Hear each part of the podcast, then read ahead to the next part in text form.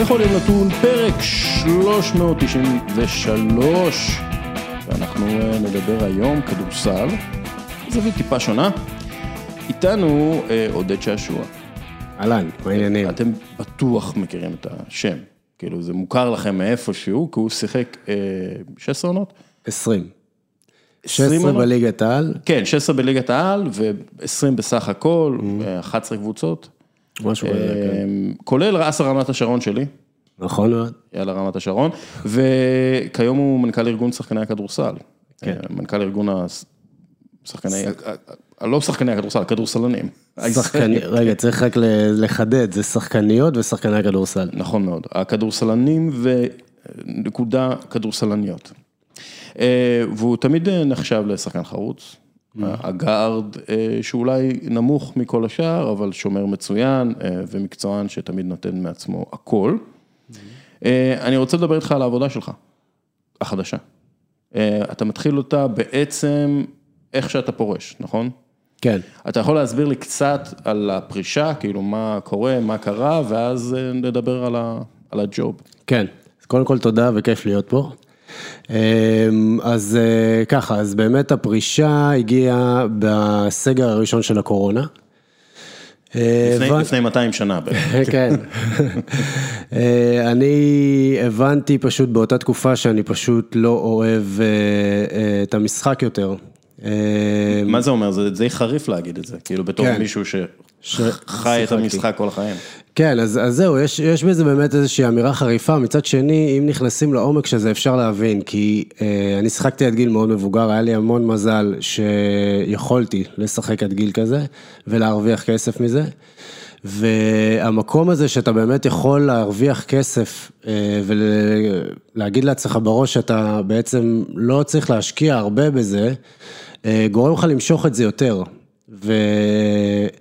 ככל שמשכתי את ה- את המשחק יותר, הגעתי למצב בסוף ש, שברגע שהיה לי שקט ולא היה משחק בכלל, פתאום הייתה לי איזושהי תחושת הקלה, פתאום הרגשתי שאני יותר במקום נכון, והבנתי באמת שאני צריך לשחרר את זה. זה. הקורונה כמובן עזרה לי, כל החופש הזה באמת עזר לי להגיע להחלטה הזאת, ו... ואתה יודע גם... מה זה, זה, זה תחושת, אה, אתה מותש כאילו מהמשחק, או כן, כאילו איך זה? מותש מנטלית. אוקיי. כאילו הגוף שלי היה טוב, יכולתי להמשיך לשחק, אני, אני עכשיו יכול להמשיך ש- לחזור לשחק. שאגב, זה מדהים, כאילו בגיל 39, 40, להרגיש שהגוף בסדר, כשאתה שחקן מקצוען, זה, זה נדיר מאוד. מדהים, וזה באמת המון מזל, ואני חושב שזה הרבה גם הגיע מהעבודה שלי לאורך הקריירה שלי. כן. אה, ידעתי לשמור על עצמי, ידעתי לעבוד אה, אה, בצורה מאוד מקצועית באמת, אז אה, הביאו אותי למקום ש... שיכולתי באמת אה, לשחק עד גיל כזה, וכן, זה, זה איזושהי תשישות מנטלית. אה, שאתה מגיע למצב שאתה מרגיש שפשוט זה לוקח ממך הרבה יותר ממה, ש... ממה שאתה חושב שזה לוקח ממך. כן. אז ההחלטה לא הייתה קשה. זה היה כזה, שוב, כאילו קיבלתי מתנה להיות בשקט רגע, להיכנס, להתחיל להקשיב לעצמי, ואז אה, זה היה לי מאוד קל לקבל את זה. אמ, ואיך הייתה התגובה של האנשים סביבך? גם, אתה יודע, אני מתאר לעצמי שרוב האנשים ששיחקו איתך פרשו לפני 6, 7, אולי 10 שנים אפילו. איך זה כאילו, אתה יודע, כן. אז תראה, אז יש, יש כאלה שעדיין משחקים, נגיד פניני זה שחקן שאני, אה, שגדלנו ביחד, הוא עדיין משחק. כן. אה, פניני, פניני הוא הבן אדם שהרביץ לי בביצים הכי הרבה, דרך אגב. לא רק לך. אני אף פעם לא קיבלתי כל כך הרבה מכות בביצים מאותו בן אדם, אבל אה, כן. אולי אח שלי, אבל אה, כן. אז כן, אז, אה, אז, אז יש, יש כאלה שעוד משחקים, אבל באמת הרוב פרשו. תראה, התגובות הן תגובות של, שוב, יש כאלה שבאמת הר- הראש שלהם הולך למקום המאוד פרקטי. והפרקטיקה אומרת שאם מוכנים לשלם לך כסף, ולא מעט כסף, לתקופת זמן שאתה משקיע בזה, תנצל את זה עד הסוף. כאילו... אמ, ואלה שבאמת ידעו להכיר אותי ואת ה, את המקום של מאיפה שבאתי, באמת הבינו את זה וידעו שזו ההחלטה הנכונה בשבילי ולעשות מה שעושה לי טוב. אמ, ואז איך אתה מגיע להיות אה, מנכ"ל ארגון השחקנים, זה, ושחקניות. איך, איך זה קורה, כאילו? אז זהו, זה גם, זה היה, זו הייתה תקופה שקיבלתי המון החלטות, כאילו שחררתי המון דברים בחיים שלי, ומצאתי את עצמי במקום שאני, כל הדברים שנשענתי עליהם, אה, בעצם שחררתי אותם, כי הבנתי שהם לא מקומות אה, נכונים לי.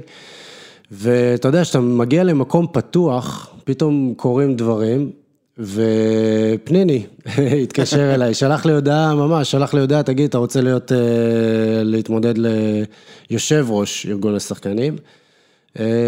הרגיש לי טוב באותו רגע, שלחתי לו כן, שלחתי, כתבתי את הדברים שאני רואה, איך אני רואה את הארגון. אה, זו הייתה תקופה שהיה הרבה בעיות בארגון, גם ההסכם האחרון שנחתם, הסכם שהשחקנים לא היו כל כך מרוצים והיה גם חוסר איחוד ביניהם. וגם כל העניין עם הקורונה כן. בהתחלה, גם שם היה הרבה דברים ששחקנים לא אהבו, אז אה, רצו לעשות איזשהו שינוי, שלחתי, אה, הגישו את זה באיזושהי מועמדות, שחקנים בחרו ונבחרתי. מה הכשיר אותך לתפקיד? בעיניי זה העניין, הניסיון שלי, המקום של מאיפה שעברתי באמת גם את כל הדברים האלה ששחקן באמת מקצוען עובר. כאילו, שנים של בעצם משא ומתן עם, עם האסקונה, זה ה... אה, וגם, כן, גם, אבל אני אגיד לך משהו אה, נוסף על זה, אני חושב שאחד הדברים שגרמו לשחקנים לבחור אותי, זה דווקא לא ה... היכולות שלי במשא ומתן, זה איזשהו מקום שמביא את הארגון לעשייה נוספת, שהיא מאוד מאוד חשובה, כאילו, משהו שעוזר לשחקנים להתפתח, ולא רק אה, לשמור על הזכויות שלהם. אנחנו, אני רוצה, האמת היא, אני רוצה לדבר על הבאמת, כי אתה מדבר על מעטפת מנטלית ומעטפת מקצועית סביב השחקנים וכולי, אני רוצה אבל באמת לדבר על ה... על המצב של המקצוען הישראלי בכדורסל, אם זה מקצוענית או מקצוען. אין הרבה שחקני כדורסל בישראל שהם mm-hmm. מרוויחים כסף, מספיק כסף בשביל להיחשב כ-professional players. Mm-hmm. הם, אלה שכן יש, הם נראה לי שהם נהנים מפריבילגיות אה, רבות, אה, למשל כל מיני חוקים שמכריחים קבוצות לשחק איתם, אה, ו, ו, ובגלל זה גם יש להם שכר טיפה יותר גבוה, כלומר יש איזו שכבה אה, דקה בסופו של דבר, של שחקנים שהם ישראלים, שהם מרוויחים יותר ממה שאולי השוק האירופאי היה משלם להם, או השוק שהכדורסל הישראלי הוא חלק ממנו. אמ, למה זה נוצר המצב הזה, והאם בסופו של דבר זה טוב לכל תעשיית הכדורסל, לא רק לכדורסלנים? תראה, אני חושב שבאמת יש אה, מספר שחקנים שיכולים באמת להרשות לעצמם מעטפת באופן אישי, שהיא מעטפת אה, מקצועית, שעוזרת להם ומאפשרת להם באמת לממש את הפוטנציאל שלהם. עכשיו, זה עניין באמת של כסף, זה עניין של אה, מודעות והבנה ובחירת אנשי צוות נכונים וכל זה. אני לא חושב שבליגה הישראלית משלמים, הקבוצות משלמות לשחקנים יותר בגלל שהם מקצוענים, אלא משלמות לשחקנים אה, על התפוקה שהם נותנים להם ועל באמת האמונה שיש להם בתוך השחקנים. וזה שהם ישראלים והם חייבות, הקבוצות חייבות ישראלים, כאילו. תראה, אנחנו בליגה ישראלית. כן. אנחנו חי, חייבים להשקיע בשחקן הישראלי, אני חושב שבאמת אה, גם בזמן האחרון התחלתי לשמוע יותר על העניין הזה ששחקנים ישראלים מבקשים הרבה כסף. חושב ש... שאנחנו צריכים להבין שזו באמת ליגה ישראלית, וליגה ישראלית צריכה להשקיע בשחקן הישראלי, והשחקן הישראלי צריך אה, לקבל אה, את האפשרות שלו להשקיע בקריירה שלו, ו... וזה נכון, וככה צריך להיות. אני, אני דווקא חושב שצריך להיות את זה עוד, לעוד הרבה יותר אה, שחקנים ישראלים. יש לנו המון דברים שאנחנו צריכים להתמודד איתם פה עם כל העניין של הזרים והמתאזרחים, שבטח נדבר על זה גם. אבל אה, אני חושב שזה, ש, שזה באמת ככה צריך להיות, וזה צריך, ומטרת הארגון היא באמת לאפשר לעוד שחקנים שאין להם את היכולות האלה ולא מרוויחים את הסכומים האלה, שזה הרוב המוחלט בעצם של כן. השחקנים. אה, להביא להם את המעטפת הזאת מבחינת מודעות ומבחינת גם הטבות שהם יוכלו להרשות לעצמם. אז, אז בואו נדבר על המעטפת הזאת, מה זה בעצם המעטפת הזאת? כי אתה מדבר על מעטפת מנטלית ומעטפת של מנטורים, כן. זה, זה משהו רשמי או שזה מילת קוד, כאילו? לא, אז זהו, אז עשינו, עשינו משהו ממש יפה, וזה ממש עשינו אותו בהתחלה, בהבנה שאנחנו רוצים לייצר את הפלטפורמה. אז אה, בנינו אתר חדש, אתר שבעצם יש בו את כל המעטפת מונגשת לשחקניות ולשחקנים בצורה מאוד מאוד קלה ופשוטה. עכשיו, המעטפת, אה, כל המעטפת זה מחשבה של באמת מה אנחנו רוצים שיהיה להם. אז אחד הדברים הראשונים זה היה אה, ייעוץ אה, כלכלי. אני יכול להגיד לך על עצמי, אני לא התעסקתי בעניין הפרשות פנסיה, לאורך כל הקריירה שלי, ואני מדבר על 20 שנה, מהפחד בכלל להתעסק עם, ה, עם הקבוצות ולהגיד, הפרשתם לי, לא הפרשתם לי, כמה הפרשתם לי. כל הדברים האלה זה דברים שבכלל לא... ש- שאגב, רק לפי דעתי ב- בסביבות 2010 התחיל, כאילו זה הפך לחובה או משהו כזה, אם נכון, אם אני לא... נכון, ואני אומר לך שגם היום יש, יש... אה, שזה, הזיה, כן? כאילו, חובת פנסיה יש פה מאז שנות ה-60 בערך. כן, כאילו, זה- בספורט אה, לקחו את זה, זה, כאילו זה... ו... וזה היה השלב הראשון, אנחנו סגרנו, אה, דיברנו עם אלצ'ולר שחם ודיברנו עם אינפיניטי ואמרנו, אנחנו רוצים שכל שחקן שנרשם לארגון יוכל לקבל הכוונה ולדעת איפה קרן הפנסיה שלו. עכשיו, שחקנים גם עוברים קבוצות, אתה לא יודע באמת מה קורה אחרי שעברת קבוצה, אם זה הפריש לך לפה וזה מפריש לך לאותו מקום, זה כאילו מקום שיש בו חוסר מודעות לגמרי, כן. ואנחנו מדברים פה על מאות אלפי שקלים. כן. לאורך קריירה, מאות אלפי שקלים. אז זה הדבר הראשון. כן, כן, נמשיך. הדבר השני, אה, אה, דיברנו על העניין הזה של באמת אה, ייעוץ עורכי דין, ואיך באמת לבוא למשא ומתן, ואיך באמת, איך להבין את החוזה שאתה חותם עליו. כל הדברים האלה זה דברים גם ש, שהמון המון שחקנים לא רוצים להתעסק בזה, כי יש איזשהו פחד, כי אתה כאילו מגיע ממקום נמוך, שאתה בא למשא ומתן. אה, מול הקבוצות, שזה מקומות שבאמת אמרנו, אוקיי, אז עכשיו יש לנו עורך דין, שכל דבר שצריך אה, לדבר עליו, אפשר לדבר עליו, ואפשר לדעת ולקבל מודעות. אה, שאלה, אתה יודע, להיות אדבוקט של, של השטן, כלומר, סוכני השחקנים, זה לא אמור להיות תפקיד של סוכן השחקנים? אז תראה, לרוב הסוכנים יש עורך דין שלהם. אוקיי. אה, השיח הוא יותר דרך הסוכן ולא דרך העורך דין, ואנחנו מאמינים שכל אה, שחקן צריך אה, לדעת אה, לבדוק באופן פרטי גם את ה- את ההסכם שהוא חותם עליו. אז זה משהו שהוא מאוד מאוד מאוד חשוב, ואז גם באנו ואמרנו, אוקיי, בואו בוא נמצא את העניין הרפואי. אה, פציעות, מה דיברנו לפני, פציעות זה עולם ששוב, הכל, הרבה מאוד דברים, זה דברים שאני חוויתי בתור ספורטאי, שאני לא טבעתי אף פעם על שום פציעה ונפצעתי פציעות לא גדולות, אבל אה, היו לי פציעות, אתה, אתה עובר קריירה, אתה מלא בפציעות, כן. ויש שם מקום שאתה יכול אה, גם, גם שם לקבל כסף, לקבל אה, איזושהי עזרה, אה, זה דברים ש... כל, כל, השח... כל הספורטאים צריכים לדעת ו... וצריך להיות להם מקום מונגש לעשות את זה.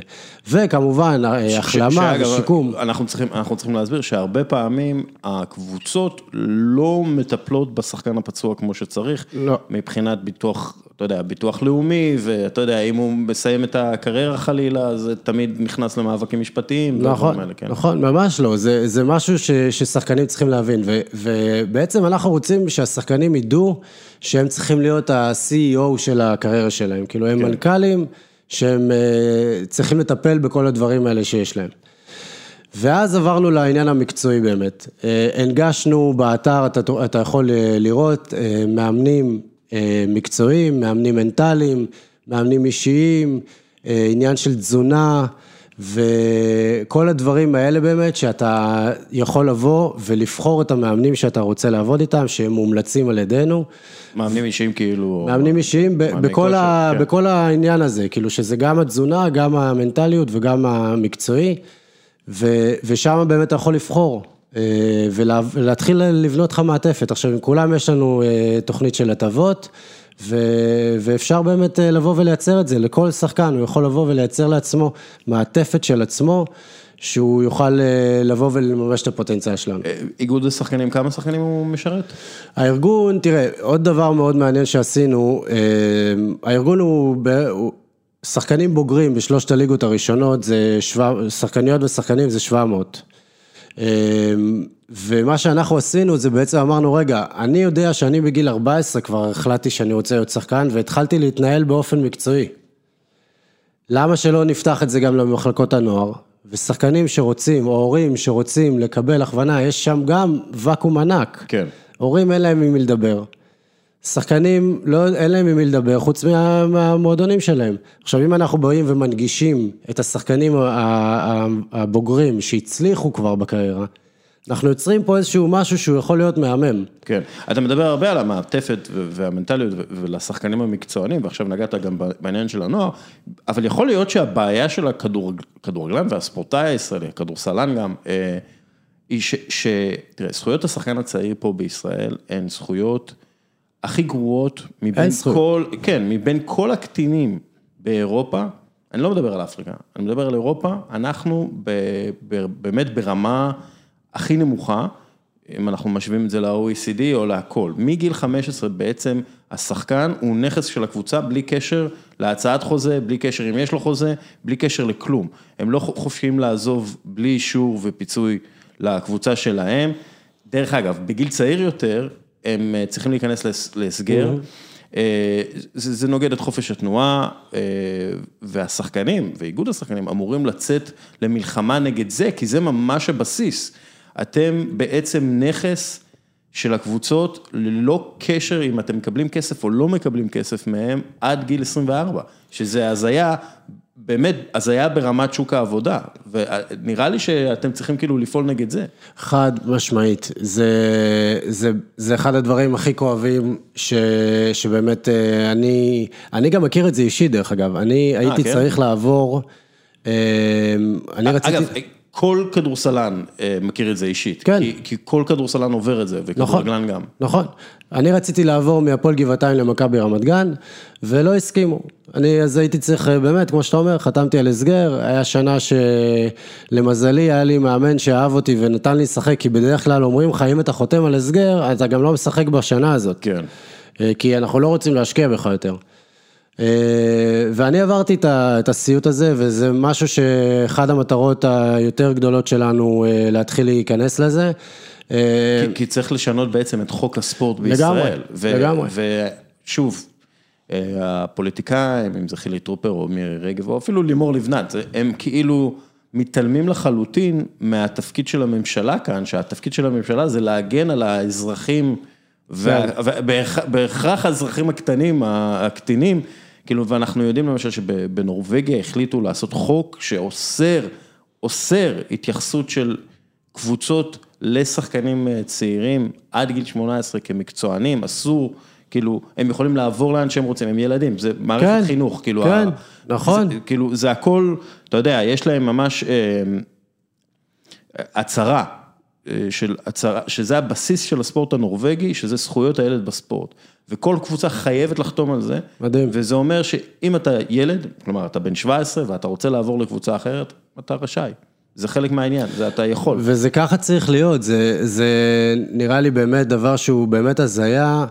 אמ, וגם, אתה יודע, זה, זה כאלה שההורים שלהם משלמים למועדון. כן. שנים, כאילו מאיזה זכות, איפה, איפה זה נשמע, וזה באמת משהו ש... שמרגיז וצריך אה, לטפל בו, ואנחנו, אני אומר לך חד משמעית, זה משהו שאנחנו הולכים להיכנס אליו אה, חזק. אמ, יש לי שאלה לגבי, אה, אתה יודע, לגבי עומרי כספי. כן. ועוד מעט תצטרף אלינו ערן סורוקה וידבר קצת, אתה יודע, על הזכויות שחקן ב-NBA, ואנחנו גם נדבר קצת על ה... אתה יודע, על האופי המנטלי של העבודה, ועל, mm. ה, ועל הבעיות ועל החרדות ועל הבעיות הפסיכולוגיות גם. אמ, עומרי כספי, עכשיו, איך, איך אנחנו, משתמש, איך הכדורסל הישראלי משתמש במה שיש לעומרי כספי להציע בעצם? אה, כי יש לו הרבה מה להציע, הוא עכשיו פרש, הוא שחקן ישראלי שהגיע הכי גבוה שיש, איך אנחנו משתמשים בעומרי כספי, ודרך אגב, אני עכשיו מכניס את ערן סורוק לעניינים, אז אמ, דבר איתי על עומרי כספי ואיך אתה יכול להשתמש בעומרי כספי כדי להשאיר את כן. הספורט הישראלי. אז קודם כל מילה על אה, עומרי כספי, אמ, שבעיניי זה יום, אתמול היה מאוד מרגש. אה, עומרי מבחינתי סימל איזשהו משהו שאנשים כבר קשה להם להאמין בזה. וזה העניין הזה שאם אתה מאמין במשהו, אתה תגשים אותו.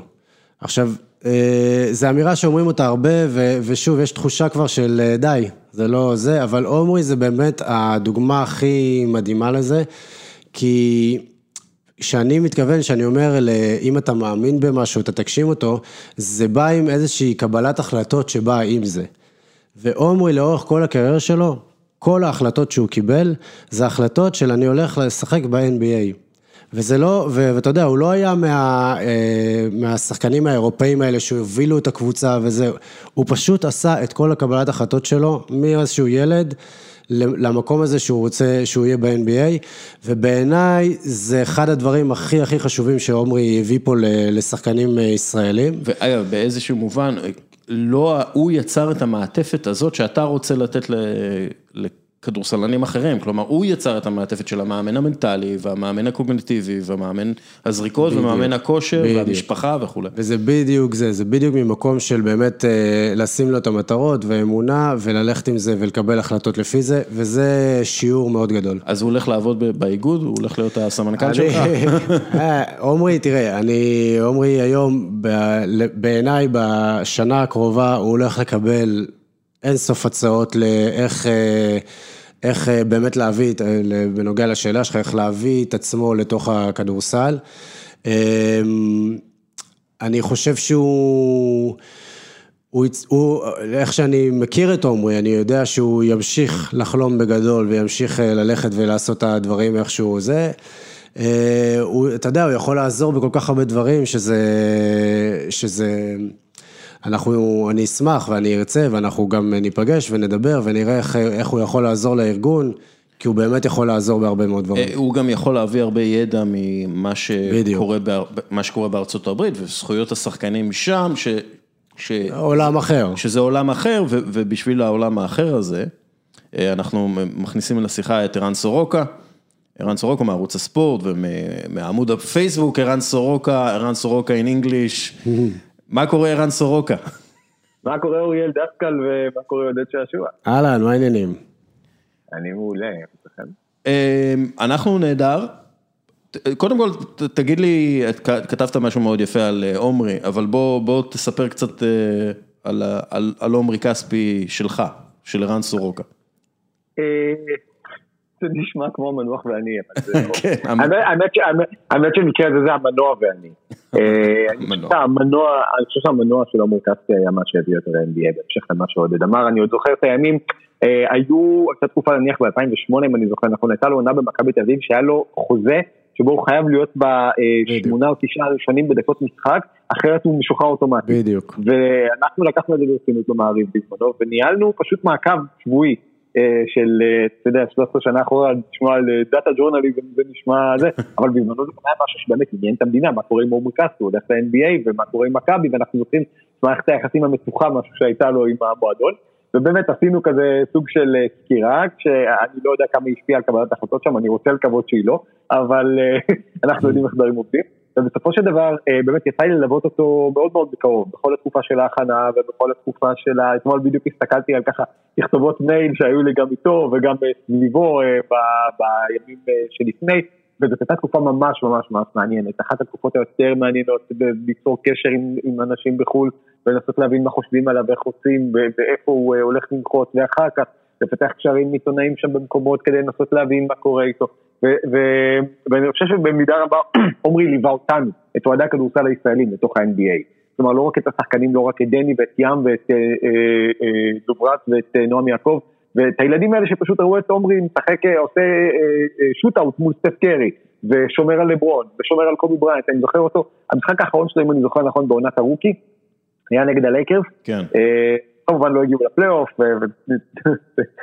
סיפור חיינו, אה, אבל, אה, אבל היה לו משחק ממש טוב נגד קובי ונגד זה, כן. וכאילו דיברתי איתו, התקשרתי אליו איזה פעם כמה דקות אחרי שנגמר המשחק, דיברתי איתו בחדר הלבשה, והוא היה עם אנרגיות מטורפות, אמרתי איזה כיף, אדם כאילו חי את החלום של כולנו, אז הבן אדם באמת במשך עשר שנים חי את החלום של כולנו, אה, התברכנו ממה שהתברכנו, שמחנו ממה ששמחנו, הוא צבע את הדרך. אני לא יודע אם יהיה עוד שחקן ישראלי עם קריירה אה, כמו שלו, יכול להיות שיהיו שחקנים קריירה טובה ממנו, אבל הוא באמת היה היחיד במינו. כי אחר כך בא גל מקל, ואחר כך בא, ודני מן הסתם, וטי.ג'יי ליפ שהוא גם יליד ישראל, אה, אז, אז באמת, כספי, אה, בעצם ההבנה שלו, של מה הוא, מה התפקיד שלו בליגה, אנחנו mm-hmm. מסתכלים על זה, וכספי, אם אני זוכר נכון, לאורך כל הקריירה לא הרוויח אה, חצי ממה שהולידיי מרוויח בחוזה החדש שלו בשנה אחת, הוא פחות או יותר זה. עכשיו אני מזכיר בכוונה את הולידיי, הולידיי נבחר בדראפט חצי שעה לפני עומרי כספי, ובמשחק הכוכבים של 2009-2010, כספי הוזמן והולידיי לא. אה, אז, אז זה מסוג הדברים שאנחנו היום נוטים לשכוח, אבל באמת, הוא, הוא, הוא פרץ נהדר פנימה, והוא אחר כך uh, carved himself a role, שנקרא, הוא הבין מה זה 3ND לפני שזה היה מצרך מאוד uh, נדיר, מאוד uh, uh, תדיר, כן. והוא פשוט אילף לעצמו את התפקיד בתוך הבנה של מה הוא יודע, מה הוא טוב, ועל פי זה הוא נשאר ב-NBA. כן, גם דיוויד ת'ורפ, המאמן האישי שלו, ומאמן, סוג של הסנדק של האימון האישי בארצות הברית, אמר בזמנו שעומרי, אם הוא היה, עומרי עכשיו נכנס לליגה ב-2019, הוא היה נבחר הרבה יותר גבוה ומקבל הרבה יותר כסף, כי זה בדיוק השחקנים שהם מחפשים היום. שחקנים גבוהים, 2, 6, 2, 8, שיכולים לקלוע לשלוש ועושים הגנה, כן. ונותנים, מה שנקרא, נותנים את התחת כל, אה, כל משחק. אה, סורוגה, אני רוצה... הוא הוא, הוא, הוא יכל להיות טורי קרייג בעצם. אה, כן, כן, כן. ש... בכל... תראה, הוא, יש לו כבר טבעת אליפות כמו טורי קרייג. כן. בוא, בוא נדבר שנייה על... על הזכויות שיש, עומרי כספי מגיע לליגה עם אה, עם זכויות. יש לו כבר זכויות אה, בגלל אה, עבודה מצוינת של איגוד השחקנים האמריקאי, איגוד השחקנים של ה-NBA. הזכויות האלה הם, ודיברנו על זה קצת לפני, הם לא אותן זכויות שיש לכדורסלן הישראלי. מה מה חלק מהזכויות? מה מה בעצם, מה זה למשל, סורוקה, עכשיו אה, דיווחו על זה שהשחקנים הסכימו להמשך הפורמט של ה play-in. מה שנקרא, מי שואל אותם בכלל? פה בישראל אה, מחליטים, הנה פורמט, יש שבע סדרות פלייאוף ואחת מסתיימת אחרי חמישה משחקים, אחת אחרי שבעה משחקים ואחרי שלושה סיבובים. אז מי בכלל, מי בכלל שואל אותם, מה שנקרא?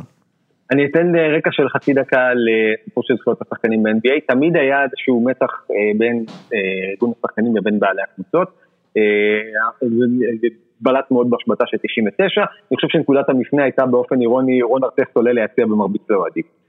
אחר כך הליגה הבינה שאם היא רוצה להיות מוצר להמונים, השחקנים צריכים להתייחס לשחקנים, השחקנים צריכים להתייחס לעבודה כמו אל עסק, כמו להיות אנשי עסקים. ואז יצא קוד הלבוש עורר סערה גדולה בגזענות וטה-טה-טה-טה, ואייברסון היה נותנים לי להיות אני וכאלה.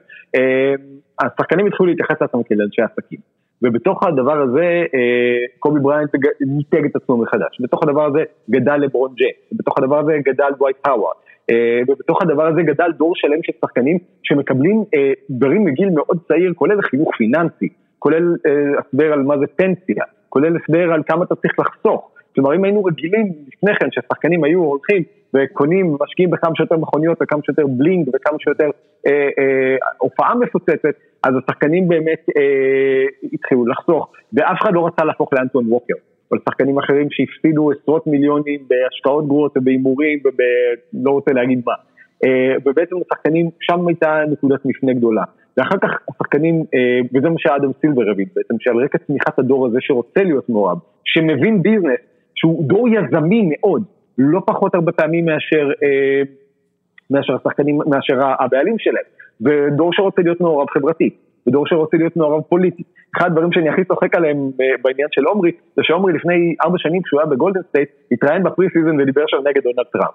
ואני עבדתי על זה ערוץ 10 ואני זוכר את ה-backlash שהוא חטף ברשתות. אבל עומרי הבין, שוב, הבין מה התפקיד שלו, איפה הוא ומה הוא צריך לעשות. וכשאתה בגולדן סטייט, אתה לא יכול להיות פרו דונלד טראמפ, לפחות באותה תקופה. אני לא אגיד על כל ה-NBA שיש שם אולי כמה איים בודדים, אבל uh, uh, היום מן הסתם דעותיו הפוכות וזה בסדר גמור, אתה בסופו של דבר צריך להבין, כמו שאתה מבין באיזה תפקיד אתה משחק בקבוצה, אתה מבין איזה תפקיד אתה משחק בחברה. Mm. אז מהבחינה הזאת, uh, עומרי מאוד מאוד פתח לתוך התרבות הזאת, ואנחנו רואים את עומרי באמת השקיע במיזמים של הייטק, ומתעניין בעולם העסקים. ויודע איך אה, להוציא את עצמו החוצה, פתח לעצמו פודקאסט, שזה משהו שהרבה שחקני NBA עושים. אז היום הדור הזה של השחקנים, אה, בזכות זה שהם באמת גדלו אה, כמודעים לעצמם, מודעים לזכויותיהם, מודעים לעולם העסקים, אז ב-NBA רואים בהם שותפים שווים לכל דבר. Okay. אוקיי. אין החלטה שלא מתקבלת בלי שהשחקנים מסכימים אליה, ו- ולכן... והשותפות השחקנים... הזאת, ואני רק, רק מבהיר, השותפות הזאת זה דרך אה, הסכם עבודה, בעצם הסכם קיבוצי. CBA. שבו, כן, ה-CBA, Collective Bargaining Agreement, okay. ובו בעצם מחלקים את ההכנסות של הליגה חצי לשחקנים חצי לבעלים, טיפה יותר לשחקנים, טיפה יותר מחצי לשחקנים. אה, עודד, זה ממש לא הסיטואציה כאן בישראל. יש כזה סדרת טלוויזיה, יש כזה ויכוח, כן, לא, זה ממש לא הסיטואציה, אמ, ואני חושב שזה לא נכון, אני חושב שה... אגב, אתם גם בכלל לא מודעים, אתם, אתם יודעים כמה הקבוצה שלכם מכניסה? כמה הקבוצות מכניסות? לא.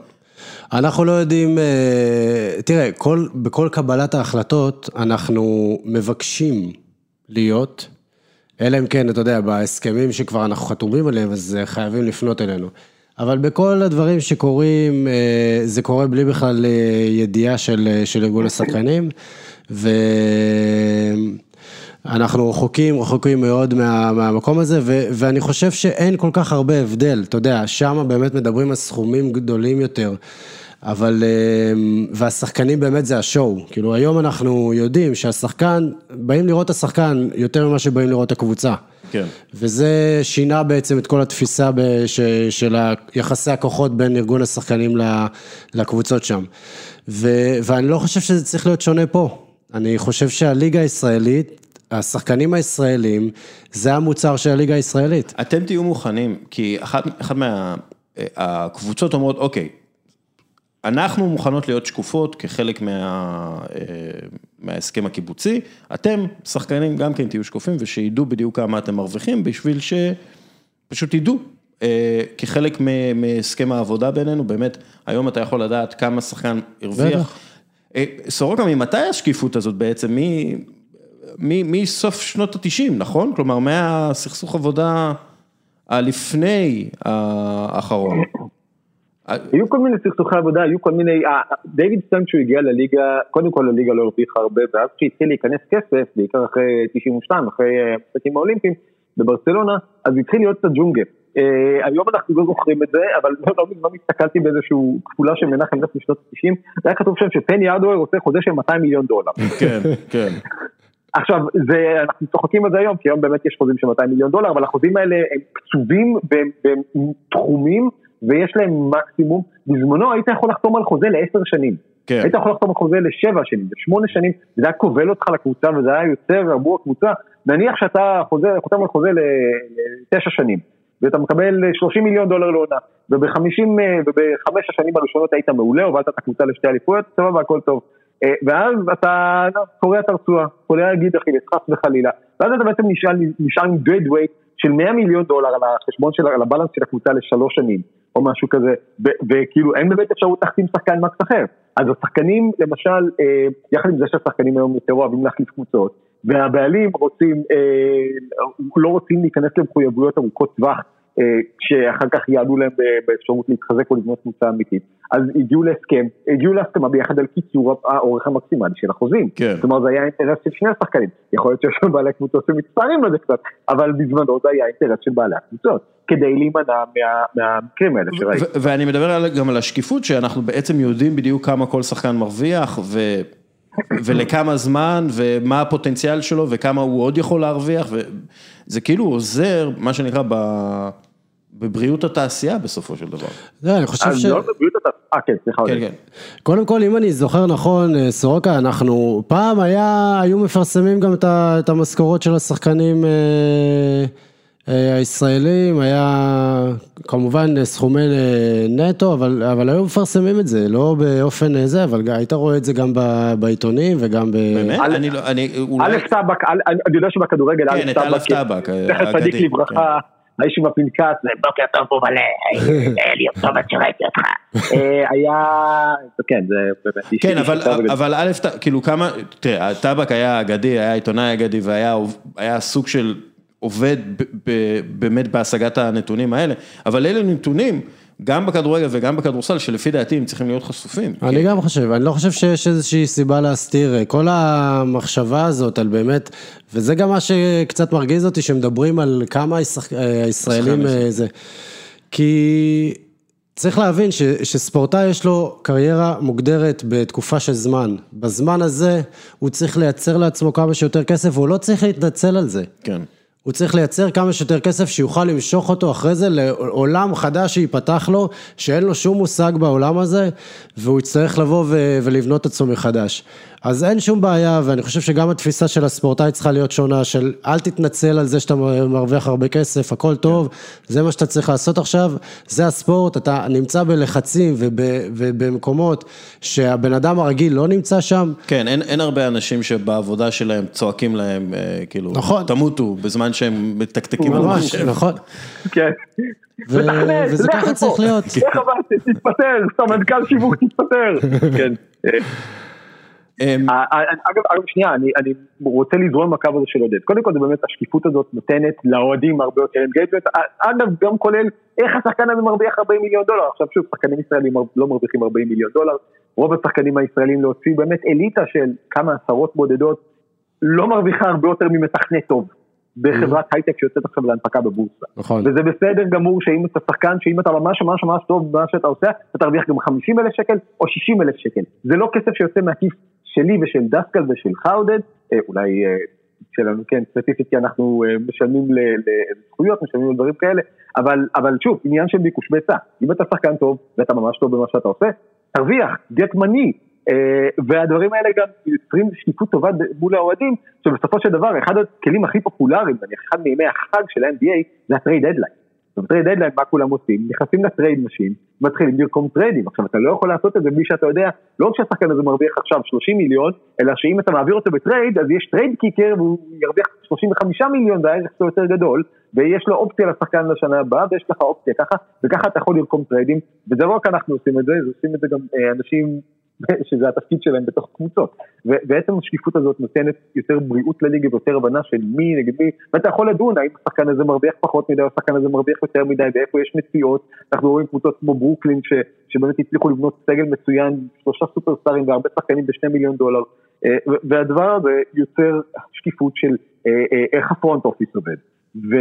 וכמה מס אתה משלם לליגה, בוא נזכיר את המנגנון הזה של מס המותרות, שזה דבר מדהים. כן. אם אתה משלם כסף, אז הכסף הזה חוזר ומחזק את הקבוצות החלשות, שזה משהו שאני לא חושב שאי פעם נראה אותו בישראל, אבל אם נראה אותו זה יכול להיות מאוד מעניין, וזה יכול לעזור כמובן לקבוצות יותר חלשות. כי אחד הדברים הכי מעניינים בליגה מבחינתי כיום, שאתה רואה את מילווקי ופיניקס, שתי קבוצות שמדורגות 17 ו-20 בשווי של הקבוצה בפורבס, אה, פיניקס במקום 21 בליגה במשכורות שחקנים, מגיעות לגמר ה-NBA. ומה הסיכוי באמת שאם אנחנו, שאנחנו נראה בישראל סדרת גמר אם באמת היו עושים את הכל בפורמציה של פלייאוף, שנס ציונה נגד גלבוע גליל, כי זה פיניקס נגד מילווקי פחות או יותר, או נס ציונה נגד אילת. כן. לא קורה הרבה, הלוואי שיקרה יותר.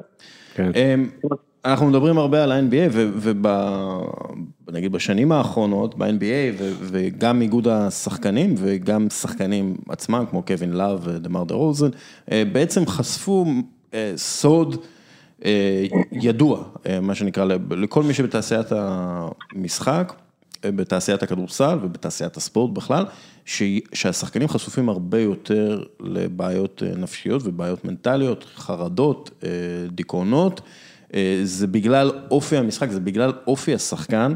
פעם דיברתי עם שחקן NBA שאמר לי, אה, כמו שרוב הגיטריסטים הכי טובים ורוב הזמרים הכי טובים הם קצת גם מדוכאים, mm-hmm.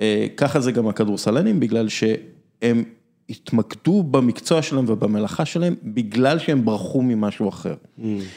וזה משהו שאני מוצא נכון אצל הרבה מאוד ספורטאים. Mm.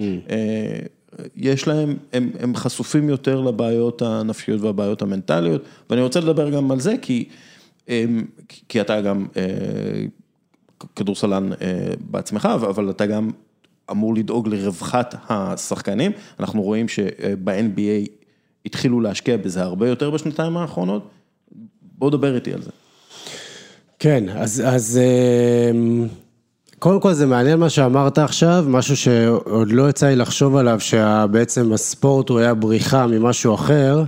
אגב, אתה יכול... אני יכול להתחבר לזה מאוד, כן. אני יכול להתחבר לזה מאוד. אה, אתה, הספורט זה איזשהו מקום שלקח אותי נגיד למקום יותר שקט, מקום שזה, ובאיזשהו מקום אני יכול להבין את המקום הזה שאני בורח מאיזשהו חוסר ביטחון בדברים אחרים, או איזשהו משהו בבית, או, או חוסר יכולת שלי אה, בתור תלמיד, כאילו, זה, זה כן היה מקום שנתן לי הרבה, נתן לי כזה חיבוק תמיד. והרגיש לי טוב. מצד שני, מה שאני גם מכיר גם, ואני גם מכיר את זה משחקנים אחרים, זה באמת העומס מהציפיות. והלחץ הזה שאתה צריך תמיד להוכיח את עצמך, תמיד להיות טוב, ו... והמקום הזה שאתה בקושי יכול ליהנות מרגעי עושר קטנים כאלה, כי זה תמיד מביא, שם לחץ על, ה... על המשחק הבא. ושם באמת אני יכול להבין את הנפילה לתוך, לתוך, כן, זה, זה, אתה יודע, דיברתי עם הרבה מאוד ספורטאים שמצאו את עצמם בדיכאון ו, ופשוט לא נהנו. ואני גם אחד הספורטאים שזה קצת כואב להגיד, אבל רוב הקריירה שלי לא נהניתי בגלל העומס המנטלי שהיה עליי. מה זה אומר לא נהנית? כלומר, אם... הציפייה מעצמי בעיקר, וכמובן מאחרים ממני, לבוא ולהביא את עצמי בצורה הכי טובה שלי, בכל אימון וכל משחק, וההתמודדות עם הפסדים, וההתמודדות עם מאמנים, וההתמודדות עם המשפחה, וההתמודדות עם, עם בת זוג, כל הדברים האלה, בסוף זה יוצר לך איזשהו לחץ שקשה מאוד להתמודד אותו, אם אין לך כלים, ואם אתה לא נפתח לעולם הזה ומבין שיש פה משהו שאתה צריך לבוא ולהשקיע בו ולהתמודד איתו. והכל בפומבי, צריך להזכיר, כלומר, כן, הכל כן. באולמות עם אנשים. נכון, וקהל, וכל העניין הזה זה זה עומס מאוד מאוד גדול על ילדים, אתה יודע, זה זה כן. סך הכל ילדים, אנחנו... ו... והמקום הזה באמת של, ואיך אנחנו באמת מתמודדים זה, זה, זה קודם כל המודעות הזאת. היום יש הרבה יותר מודעות לפן המנטלי, ואנחנו נייצר יותר מודעות, ואחד הדברים היפים שאפשר לעשות פה זה, זה באמת כמו שקווין לאב אז נגיד עשה, כי אנשים לא פותחים את זה. אף אחד לא מדבר כן. על, על הקושי ועל כל הזה, ואיך אתה מתמודד אחרי הפסדים, איך אתה מרים את עצמך חזרה, אנשים לא מדברים על זה כי זה כאילו מקום חלש. ואנחנו הולכים לבוא ובאמת לפתוח את זה מול השחקנים הבוגרים שהצליחו, שעברו קריירה, ותיקים, אפילו שחקני עבר, נחזיר אותם אלינו. ו, ונייצר תקשורת בינם לבין הדור הצעיר, שבאמת ייתן להם את מה אני עשיתי, כן. איך אני התמודדתי, ועד כמה זה היה לי קשה, וזה בסדר שקשה לך. כן. אגב... אגב, שנייה, שנייה, שנייה, רק רוצה להגיד משהו בהקשר הזה, שזה מאוד חשוב שעודד... אחד הדברים שאני הכי נהנה מהם היום לראות, זה שהרבה ספורטאי עבר, גם בעבר קרוב, הופכים לסוג של מנטורים, מרצים על עצמם, כן. על המסע שלהם, על הקשיים שלהם, זה אורן זאבי, אריק זאבי, זה ירדן ג'רבי, ואני מניח שגם כספי יהיה שם.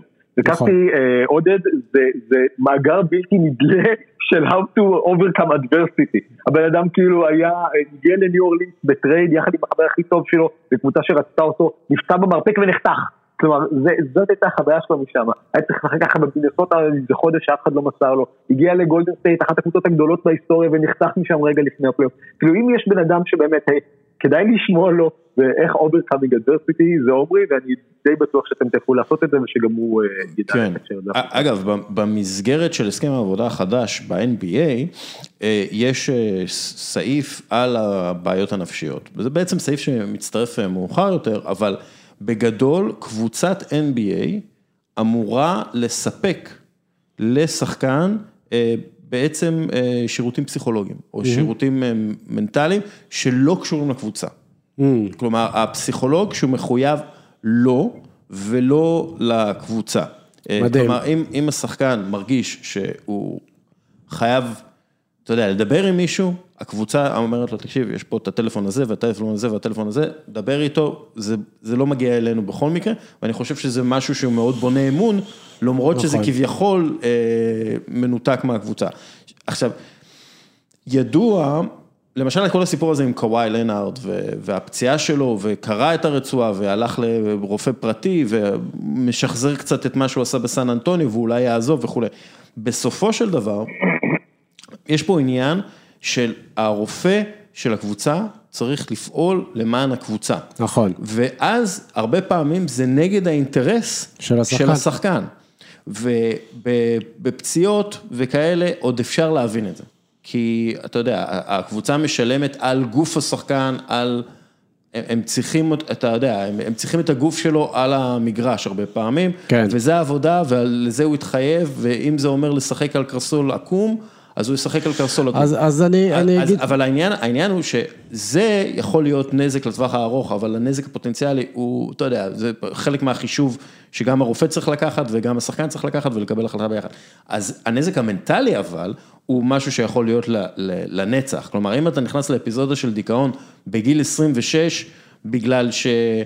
לא קיבלת את הטיפול הראוי, זה משהו שיכול להשפיע עליך בגיל 42, בגיל 58, בגיל 92, אתה, אתה יכול כאילו להיכנס לאפיזודות דיכאון שיכולות להיגמר במוות, וזה משהו שקרסול פגוע, לא. אז בגלל זה אני אומר שהחשיבות של העצמאות של הרופא הפסיכולוג היא הרבה יותר גדולה מאשר הרופא של הקבוצה. כן. זה, זה ה... אני, אני אגיד לך משהו לגבי העניין הגופני. תראה, בסוף, אה, ברור שאפשר להבין את העניין שהקבוצה רוצה שהשחקן יחזור כמה שיותר מהר, אבל במידה והוא מקבל חוות דעת אחרת, שאומרת לו שזה לא נכון לא לחזור לשחק, אה, בסוף אם יקרה משהו לטווח הארוך, הוא נשאר עם זה לבד. הקבוצה כן. כבר לא, זה פחות מעניין אותה, זה ממש לא יעניין אותה אחרי שתסתיים העונה ואחרי כן. שההסכם שלהם ייגמר. אז ככה שפה גם צריך לבוא ולתת מקום לשחקן, לקבל החלטה, ואם הוא מקבל חוות דעת אה, שונות, אז צריך להתייחס אליהן. ברמה המנטלית אתה צודק, וזה אה, משהו באמת ש... ש... נותן באמת עצמאות לשחקן, זה, זה החלטה מהממת, ואני יכול להבין את, את, מאיפה הם הביאו את זה, ושוב, כי זה שחקנים שבאו ו, וחוו את זה. אגב, זה, זה גם רעיון עבור האיגוד, ש, שיהיה לכם פסיכולוג שכל שחקן יכול לדבר איתו, אני חושב שזה מציל חיים. לגמרי, אז, אז קודם כל יש לנו בזה כאלה כן, שזה, אבל, לא, אבל אנחנו לא צריכים פסיכול... משהו שלנו. כן, אבל לא פסיכולוג ספורט, פסיכולוג, כאילו מישהו ש... אה, פסיכולוג זה. ד... אמ, וואו, אני לא זוכר עם מי דיברתי על זה. ספורטאי אולימפי. המוח שלי, זהו, המוח שלי דייסה, התאריך הוא ה-19 לשביעי 2021, ערן, המוח שלי הפך לדייסה. מקווה שזה לא קשור אליי. רגע, איזה יום היום? איזה שבוע היום? אני לא זוכר, זהו. דיברתי עם שחקן שהוא אמר לי, שכאילו שהפסיכולוג, הוא לא צריך פסיכולוג ספורט, צריך פסיכולוג. כי, כי אתה כאילו, אתה פסיכולוג ספורט של עצמך, הוא אמר, mm-hmm. ואתה צריך, אתה לא צריך אה, פסיכולוג לה, להפוך אותך ליותר, לספורטאי יותר טוב, אתה צריך להיות פסיכולוג בשביל להפוך אותך לבן אדם יותר טוב, ו, וזה כאילו מה שחסר, הוא אומר, כולם ממקדים אותי על איך להיות ספורטאי יותר טוב, כשאני הולך לפסיכולוג, אני לא רוצה שיהיה מישהו שיגיד לי, נכון. אתה יכול לעשות את זה ואתה צריך לנשום ארבע פעמים נכון, לפני נכון, שאתה קולע נכון. מהשלוש. אני צריך מישהו שיגיד לי, כן, אתה גם בן אדם. נכון. אה, וזה משהו, אני פשוט לא זוכר מי אמר לי, ואני לא זוכר אם הוא אמר לי את זה באוף דה רקורד או און דה רקורד, אני לא זוכר, אבל אה, זה כאילו נקודה. זה לייצר מרחב, מרחב אה, בטוח שאתה יכול לבוא ולדבר פשוט. זה אחד הדברים הכי חשובים, לשתף, כי אנחנו, שוב, זה גם... אתה יודע, יש משהו בספורט ש, שאנחנו תופסים, יש הרבה תפיסות כזה של להיות חזק ולהיות חזק מנטלית, ומדברים על כל הזמן על להיות חזק, להיות חזק, להיות חזק, שאני היום רואה שהסוד הכי גדול זה לאפשר לעצמך להיות חלש. שם יש את כל הכוח בעצם. ו, ואת זה הרבה שחקנים מפספסים, וכמו שאתה אומר, זה, זה יכול לעבור להם בקריירה, הם יכולים להעביר את זה ולהסתדר, זה יפגוש אותם אחרי זה. אז כן. כל הדברים האלה זה, זה באמת uh, תפיסות שאנחנו צריכים לשנות היום, ולאפשר לילדים ולספורטאים להיות מי שהם. כן. Uh, סורוקה, יש איזה משהו שאתה היית ממליץ uh, למנכ"ל איגוד הכדורסלנים והכדורסלניות? ארגון השחקניות והשחקנים. השחקניות והשחקנים. קודם השחקנים. הכדורסלניות והכדורסלנים. יש איזה משהו שאתה היית ממליץ לקחת מה-NBA, מהעולם שאתה מכיר אה, טוב? באמת דיברת על השקיפות, אני לא יודע לגבי חלוקת ההכנסות, כי שוב, הליגה הישראלית בניגוד ל-NBA, מן הסתם אנחנו לא מקבלים את ה... אני חושב שכן יהיה נכון אה, שהליגה הישראלית תפרסם דוחות אה, כמו שה-NBA מפרסמת כל שנה, אנחנו מרוויחים 8 מיליארד, אנחנו מרוויחים ככה, יש את כל הדירוגים של הקבוצות של פורבס, אני חושב שהדברים האלה, שוב, זה לא מועדוני ברמה של פרנצ'ייזים ב-NBA, קשה לך לבנות יציבות סביב הדבר הזה. הלו, נס כן, ציונה אה, אלופת אירופה או מה שזה לא יהיה, לא... גם חולון.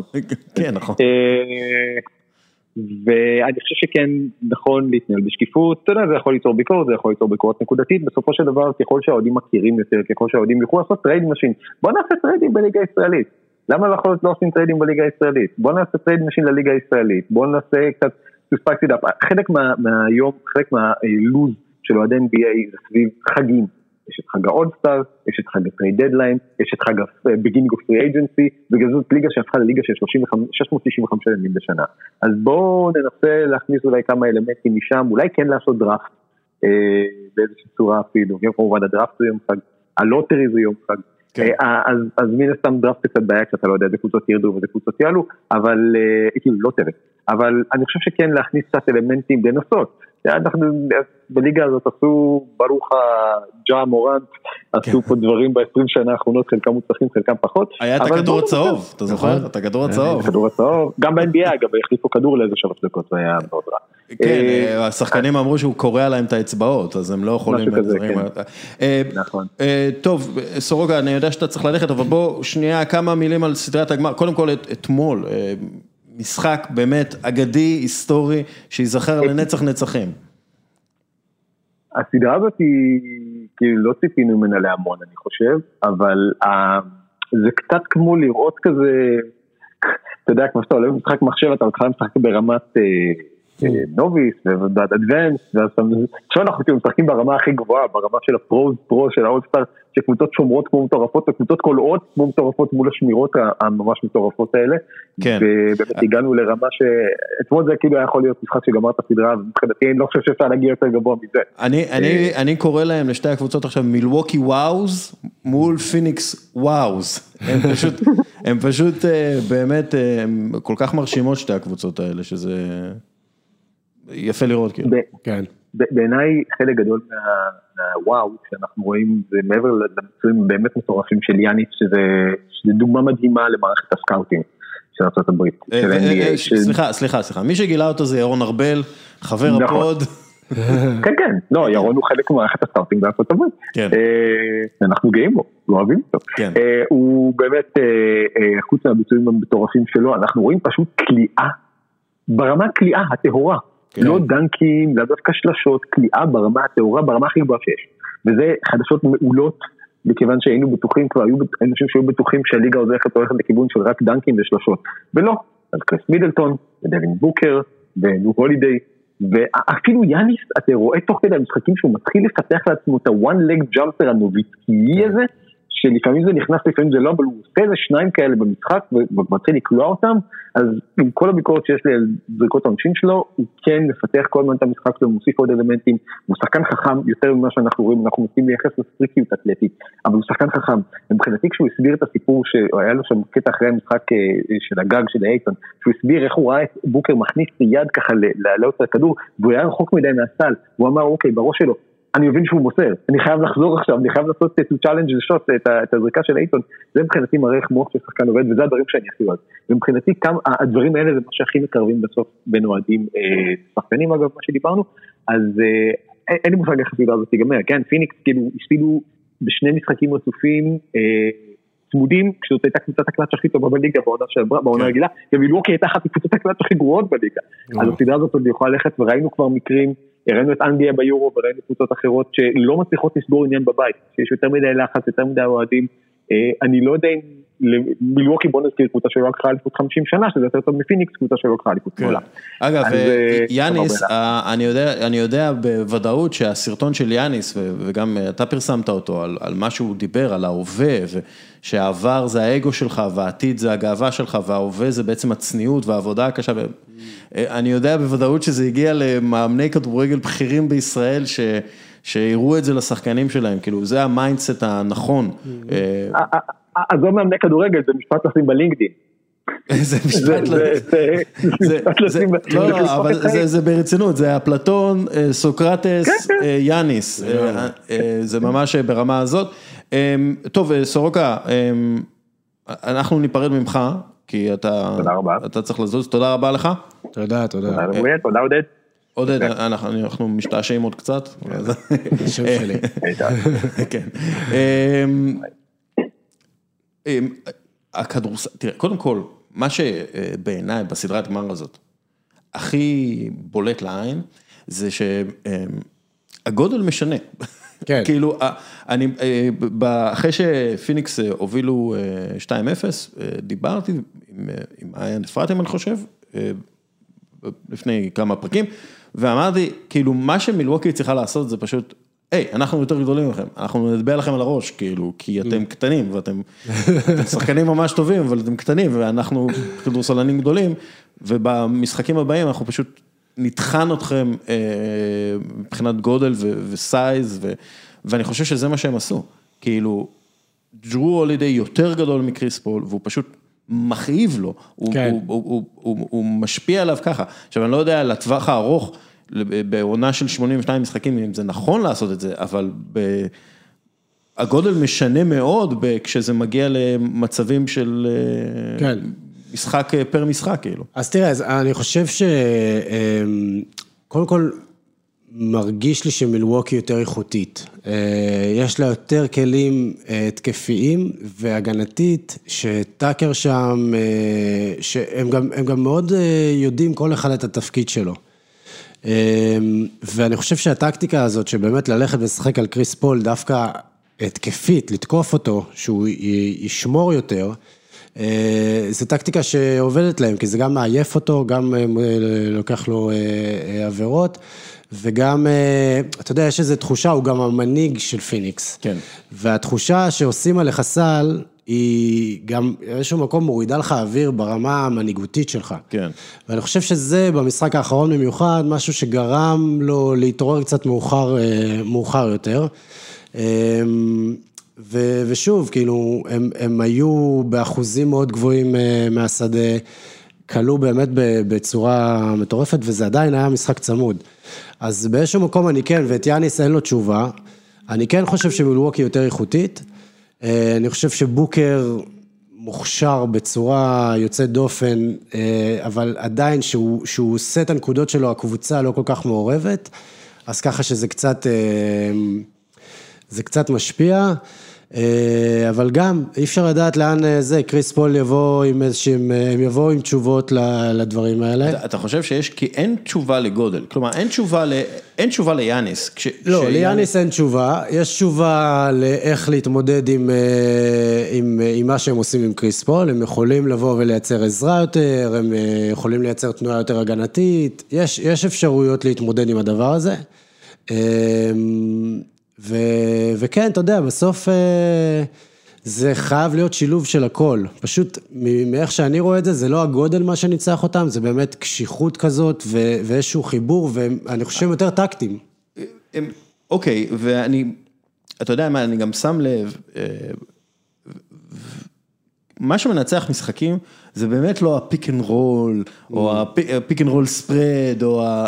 כלומר, זה לא משהו... טקטי שמנצח משחקים, בסופו של דבר זה האישיות של השחקנים שמנצחת, כלומר היכולת, כי שתי הקבוצות הן מבצעות ברמה הכי גבוהה, בגלל זה הם בגמר ה-NBA, כלומר הם לא, נכון, שוב, בגלל זה הם קבוצות ממש ממש טובות שמשחקות על אליפות העולם, מה שנקרא, נכון, אבל בסופו של דבר, מה שמנצח זה באמת מי שיהיה טיפה יותר קר רוח, טיפה יותר מפוקס. טיפה, טיפה יותר אגרסיבי, כלומר זה כל הדברים האלה, ותראה אנחנו מדברים לא על כדורסל, אנחנו מדברים על כאילו על אישיות, מנטלי, והמנטליות, אז, אז אני חושב שפשוט מילווקי עם המנטליות הנכונה יותר, ופיניקס תצטרך לעשות מהפך מנטלי מאוד משמעותי, נכון. שאני לא יודע אם הם יכולים לעשות. נכון. אז זהו, אז, אז אני, אני לגמרי מסכים, אתה יודע, בסוף הפעולה האחרונה שהולידי חוטף לבוקר את הכדור, זה, ב, זה בדיוק הפעולות האלה כן. שאתה אומר, הקבלת החלטה הקטנה הזאת שמשנה את כל המשחק. אני חושב שבאמת מילווקי מגיעים מאוד מאוד אגרסיביים, מאוד מוכנים. תדע לך שטאקר זה, זה שחקן שהוא... כל הקבוצות שהוא משחק, הן פשוט קשוחות. כן. הוא מנהיג, הרבה יותר ממה שרואים עליו במגרש, הוא מנהיג מאוד מאוד גדול ברמה של הקשיחות והווינריות שהוא מביא לקבוצות שלהם, ואני רואה את זה על הקבוצה שלו, וראינו את זה גם על יוסטון. אמ, ו... וזה זה, זה, בדיוק... זה פשוט עניין של, הם רואים אותו נותן את המאה אחוז, והם. הם כאילו איתו במאה אחוז. תראה, אני, אני שמעתי על גם איך הוא היה פה בארץ, ואיזה מין בן אדם הוא היה, ובאמת מה, מה הוא עושה לקבוצה שלו. הוא עושה הרבה מאוד דברים גם מחוץ, ל, מחוץ למשחק, ו, וכמובן, מגיע כל הזמן לשים את עצמו, ו, וזה בדיוק מה- שאמרת, זה קבלת החלטות. הקבלת החלטה הנכונה, ברגע הנכון, זה נוכחות מאוד גדולה ברגע הזה, אה, וזה בעצם מה שמנצח את המשחקים, כי בסוף, מבחינה מקצועית, אתה יודע, אפשר לדבר הרבה וזה, בסוף זה מה שמנצח. אני חייב להגיד שבתחושה שלי מולווקי אה, גם יותר איכותיים, וגם מגיעים יותר... אה, תן, תן סיפור על טאקר לסיכום.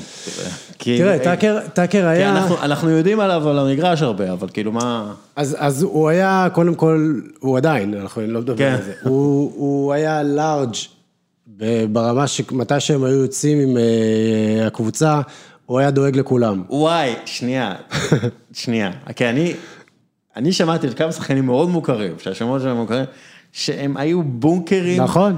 ואנשים נכון. כאילו היו עושים איתם התערבויות על כסף, רק בשביל כאילו שהם. יצטרכו לשחרר. שחקנים אמריקאים כאילו מוכרים, עשירים. כן, כן, כן. אוקיי. אז טאקר היה, כאילו טאקר הפוך, הוא היה מגיע והוא היה דואג לכולם. מפנק בנאפיז. כן, אבל כן, אתה יודע, זה גם כסף קטן בשבילו, ו- וזה היה עוד לפני שהוא אבל עשה הרבה מאוד כסף. כן. אז, אז הוא, הוא פשוט היה כזה. וזה איזושהי דמות של מנהיגות, ש... שהוא גם יכול להיות ידע, שככה הוא יכול להביא אותם אליו כן, יותר. כן. אני חושב שזה היה הראש שלו, כי הוא בחור חכם. אז, אה, אז כן, זה, זה היה הדרך, והוא, אה, והלכו אחריו, הוא היה מנהיג, ואתה יודע, גם ידע להיות קשוח מתי שצריך, אבל ידעו שהוא מגיע ממקום טוב תמיד, ו... וזה הסיפור. אתה יודע, אחד מהסיפורים על דווין בוקר, זה שכשהוא היה rookie, או שנה שנייה או משהו, המאמן שלו אה, שם את אה, טאקר עליו, הם ממ. שיחקו ביחד בפיניקס. והוא אמר לטאקר, תקשיב, אתה תעשה עליו הגנה, אני לא שורק פאולים. טאקר בעצם סוג של, אתה יודע, אה, הפך אותו ל- ל- לקלה שהוא, ועכשיו הוא מגיע מולו, עוד פעם, מדהים. זה- זה סיפור אה, נחמד. מדהים, ממש. ותשמע, קשה לשמור עליו, הוא מאוד מיוחד, אה, בוקר, כן. מאוד מיוחד. בוקר זה כאילו, לא משנה כמה צמוד אתה עליו, הוא... הזריקה הנוחה. הזריקה, כן, זה פשוט אה, מרשים מדהים. מאוד. אה, טוב, לקחת דברים ש... שאתה יכול כאילו לקחת לאיגוד? כן, יש, יש פה הרבה דברים ש, שצריך לעשות ואנחנו נעשה, וכן, זה, זה תהליך יפה שיש בו הרבה השפעה, וזה חשוב, נותן הרגשה, הרגשה טובה גם.